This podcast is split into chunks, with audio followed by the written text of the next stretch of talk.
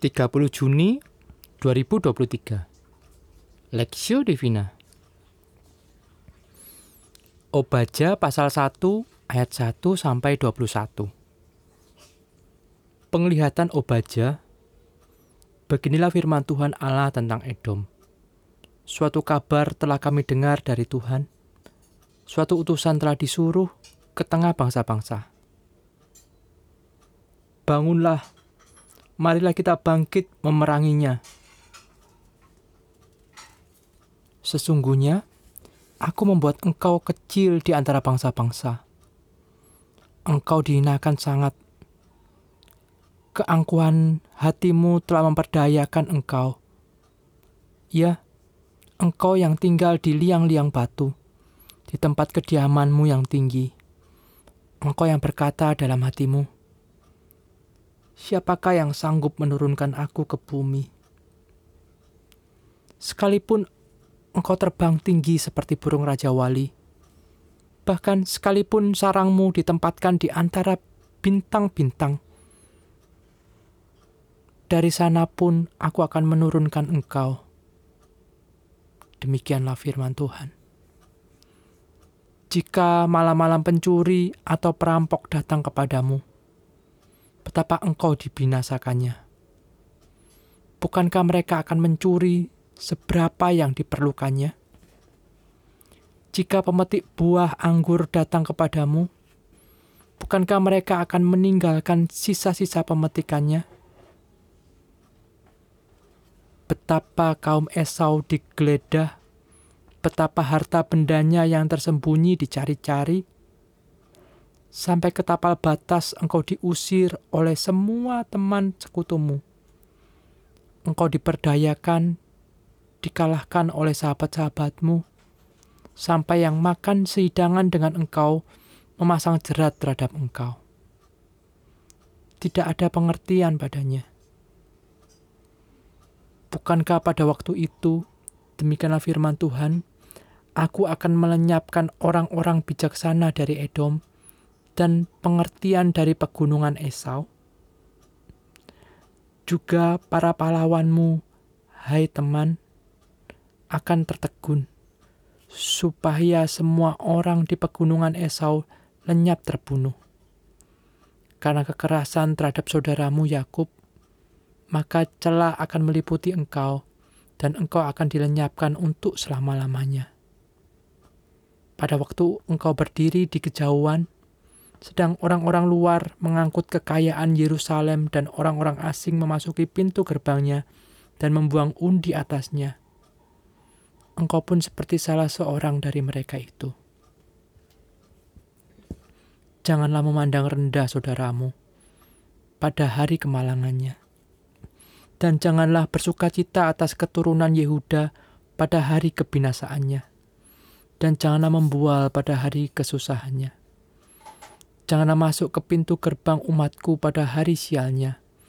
Bahkan, janganlah memandang ringan malapetaka yang menimpanya pada hari sialnya. Dan janganlah merenggut kekayaannya pada hari sialnya.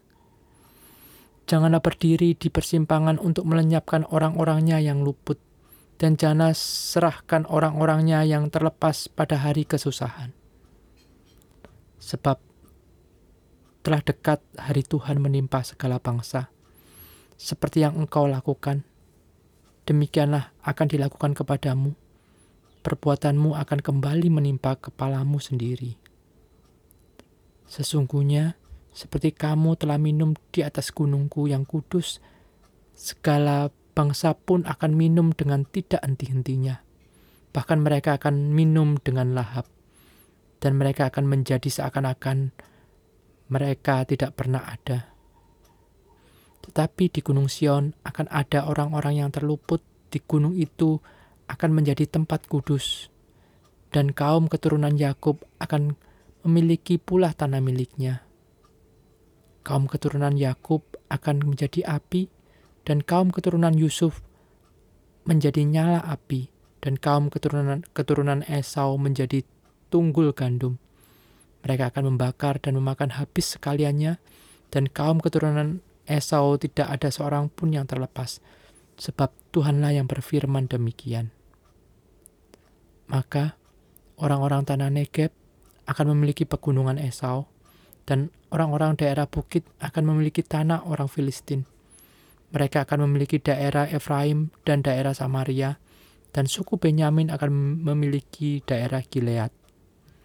Orang-orang Israel yang diangkut ke dalam pembuangan akan memiliki tanah orang Kanaan sampai ke Sarfat, dan orang-orang Yerusalem yang diangkut ke dalam pembuangan yang ada di Sefarat akan memiliki kota-kota di tanah Negeb. Penyelamat-penyelamat akan naik ke atas gunung Sion untuk menghukumkan pegunungan Esau, maka Tuhanlah yang akan empunya kerajaan itu. Tuhan yang merendahkan dan meninggikan perspektif. Penyelamat-penyelamat akan naik ke atas gunung Sion untuk menghakimi pegunungan Esau, dan kerajaan itu akan menjadi milik Tuhan. Obaja pasal 1 ayat 21. Pernahkah berjumpa dengan orang yang begitu sombong dan tinggi hati? Kesombongannya terlihat dari perkataan dan perilaku yang cenderung merendahkan orang lain dan menganggap dirinya paling nomor satu dibanding lainnya. Hal serupa menimpa bangsa Edom. Edom adalah keturunan Esau, anak dari Ishak dan Ribka.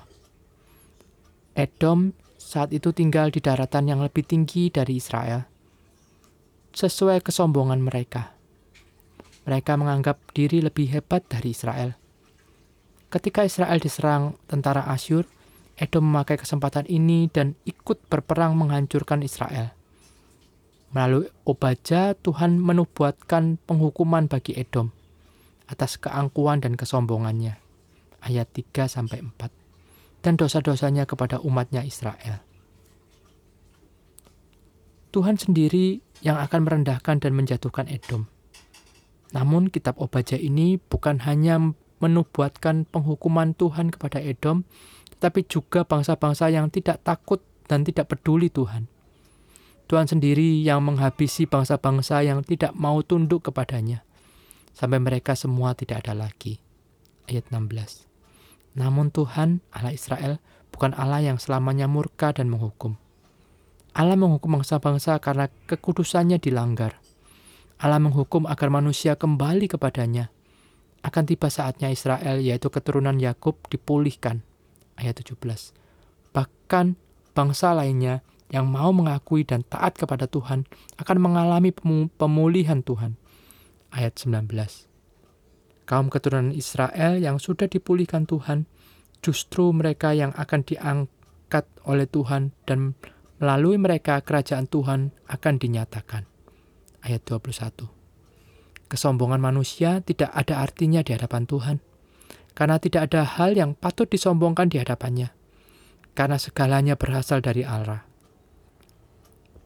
Allah memberikan agar manusia makin mengenalnya. Bagi kita yang sombong, Allah sendiri akan bertindak dan menghukum kita. Tapi jika kita merendahkan diri dan mengakuinya, serta hidup dalam perjanjiannya, sebagai umat tebusan Kristus, kita pun akan mengalami pemulihan demi pemulihan yang Allah inginkan terjadi dalam hidup kita. Studi pribadi, adakah yang disombongkan oleh Edom? Apakah yang disombongkan oleh Edom? Apakah saudara juga memiliki kesombongan sehingga merendahkan sesama dan sulit menundukkan diri pada Tuhan?